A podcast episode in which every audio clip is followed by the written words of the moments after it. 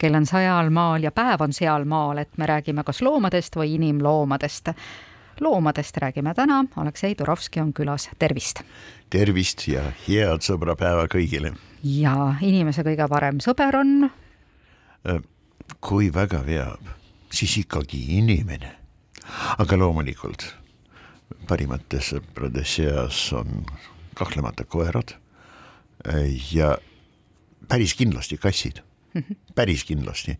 lihtsalt noh, on inimesi, kes millegipärast umbusklikult suhtuvad kassidesse või lihtsalt on mitte teadlikud sellest, kui heaks sõbraks võib, päris kindlasti võib kass olla ja loomulikult linnud ja no mul oli suurepärane sõber loomaaias, Rong Jaška kolmkümmend kuus aastat ta loomaaias elas ja kõik need aastad me olime head sõbrad, aga nüüd ta läks manalasse ja aga suurepärast sõpra saab loomulikult endale ka draakonist. tahtsin just küsida, et kas see on ka võimalik, et draakoniga sõbraks saada? muidugi, tingimusel, et see on Kaug-Ida draakon mitte mingisugune Skandinaavia sõjalaeva märgiline zoomorfne mingisugune märk, mitte Midgororm või Jörmungand, see, kes on maailma ookeanis ja lõpuks sööbki Skandinaavia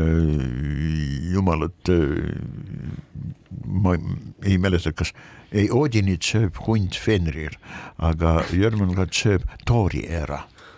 Ja, ja või ei söö, vaid lihtsalt mürgitab, igal juhul läänemaailma draakonid on no tõesti kurjad, eriti kristliku madalmütoloogiaga seotud draakonid mm. -hmm. jumala eest, noh, kaugel see Püha Jüri päev on, kahekümne kolmas aprill, eks ole, võib-olla siis räägime sellest, mis on rüütellikkus ja kas ja. rüütellikkust on ka loomariigis, eks ole.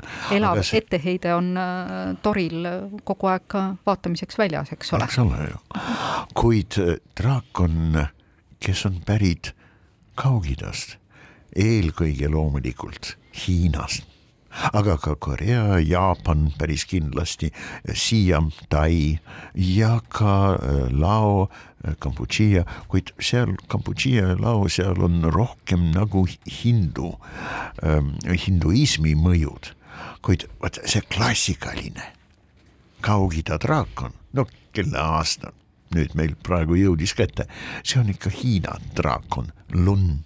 Mm. Lun on umbes poolteist kilomeetrit pikk. Vao Lun, suur draakon. tal on kaheksakümmend üks teravat oga seljas. kaheksakümmend üks on äh, üheksa ruudus, üheksa korda üheksa, see on kõige püham arv üldse Hiina numero-, numeroloogiast. tal on kaamelipea jänese silmad, tal on lehmakõrvad tal on hirvesarved, kusjuures viimase kolmesaja aasta jooksul umbes draakoni, vot sellesama suure draakoni, Baoluni või draakonite kuninga muud neid muuseas kuningaid, vanlunne ehk aosid on neli, aga see on teine lugu juba. nii et viimased keisrite dünastia, mis oli Manžu, Mandžuuriast pärit, draakoni ja draakon ametlik viie varbaga draakon on ametlik Hiina keisri sümbol, pühadest kõige püham. ja tal on vot selle viimase dünastia draakonil, keisri draakonil peas Miilu, Elafurus Davidianus ehk Davidi hirvesarved aga see on jällegi teine lugu, nii et maokael, karpkala soomused, kulli, röövlinnu küünised, aga tiigrivarbad ja käpad. ja kui keha, nii püha loom on, kas äh, äärmiselt püha, kas tema sisse mõni parasiit ka sellisel juhul mahub ja kelle parasiidid need siis veel on? ei, temal parasiite ei ole ja ise ta ei parasiteeri mm. -hmm. see draakon on hea loom, iidsetel aegadel ta oli ilmselt äh, iidsete aegade või varase antiikaja hiinlastel meeles kõikide loomade esiisa aga veel varem ka ema. kunagi olid Jan, eks ole, draakonid, noh, see on siis äh, mehelik, hele, ja paaritute arvudega seotud energia, see on jan, jah, päevane energia ja öine energia ehk naiselik energia, see on in. in äh, energia on tume, seotud paarisarvudega no ikka saab poolitada, eks ole, naisterahvas, no andke andeks, eks ole. jah, varem või hiljem, kui kõik läheb hästi. jah, ja loomulikult tumedate, noh, tumedate aladega seotud ja vot kõik need süsteeme kaheteistkümne aasta, kelle või mille aastate valitsejad, loomsed vaimud on need, kelle järgi me siis nimetame need aastad, eks ole. see süsteem ei ole Hiinast pärit, Hiinasse see süsteem jõudis hiljem, mitusada aastat, arvatavasti vähemalt poolteist tuhat aastat peale selle, kui Hiinas ja just nimelt Hiinas, Hiina aladel noh, sadu erinevaid rahvaid ja suguharusid, aga peaaegu kõikidel juba kaks ja pool tuhat aastat tagasi tootemiks olid draakonid. see on reegel, no ütleme võrdlevas mütoloogias hästi tuntud, eks ole.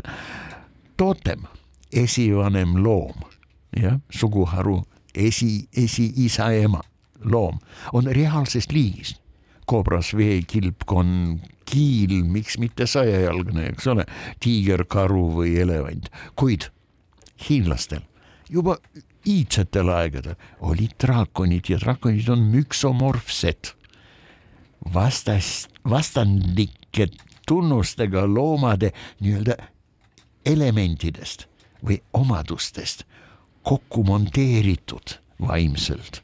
see on suur looming, draakoni ehitus võiks tänapäeva diplomaatiaga võrrelda. harmoonia sümbolid nad on ja maailma harmoonia ehk siis energiavoogude in ja yang, vabandust, jah, jan ja in, vot niiviisi on. Hiina keel on niivõrd tähtsa foneetikaga, et loomulikult ma ei julge pakkuda teile õiget hääldamist, ma lihtsalt ei ole kindel endast, eks ole. kuid näiteks chi, in lunn on punane tiivuline draakon, nendel on selline võrratu draakonide klassifikatsioon. Ja suured draakonid, no suur on Bao, Bao lunn, jah, kirjeldasime praegu teda, aga suurte draakonite seas on äh, viie maailma eri värvi, erilise värvi ehk viie maailma jao ähm, märgiliste värvidega seotud draakonid. Tsin roheline, Juan on siis kollane ehk maadraakon. mullad on ju lössid Hiinas. muld on Hiinas kollane. ma kunagi kolleegile Hiinas meil oli Skandinaavia Parasitoloogia Seltsi suur kongress ja siis hiinlanna küsis Eesti lipu kohta, et miks teil on sellised jubedad värvid siis ma ütlesin, no must on mullavärv, no naeris, mis te nüüd, mullavärv on kollane. Ja nii edasi. Ja valge on leinavärv. aga no okei okay,, see selleks. igal juhul on olemas roheline idadraakon, eks ole, on olemas punane, see on siis lõuna. Äh,, äh see on siis põhjataeva värvi, tume-tume sinine draakon, äh, no ja läänes, vot seal, kus on esivanemate surnute esivanemate vaimud Kunlunni mäe peal. vaat seal on valget värvi draakon. no ja hiinlastel on maailm ja, jagatud viieks osaks. põhja-lõuna, ida-lääs ja keskkoht, mis on loomulikult Hiina selline väga põhjalik ringkäik on nüüd Hiina draakonite maailma tehtud. jääme meie, Aleksei, ikka kasside juurde, eks ole? teeme nii. või koerte teeme nii, kasside ja koertel. jah, muuseas siinsamas koridoris lähedal on üks nimeline võrratu koer, lähen kohe temaga suhtlema. aitäh, Aleksei. jah, mõnusat valentinipäeva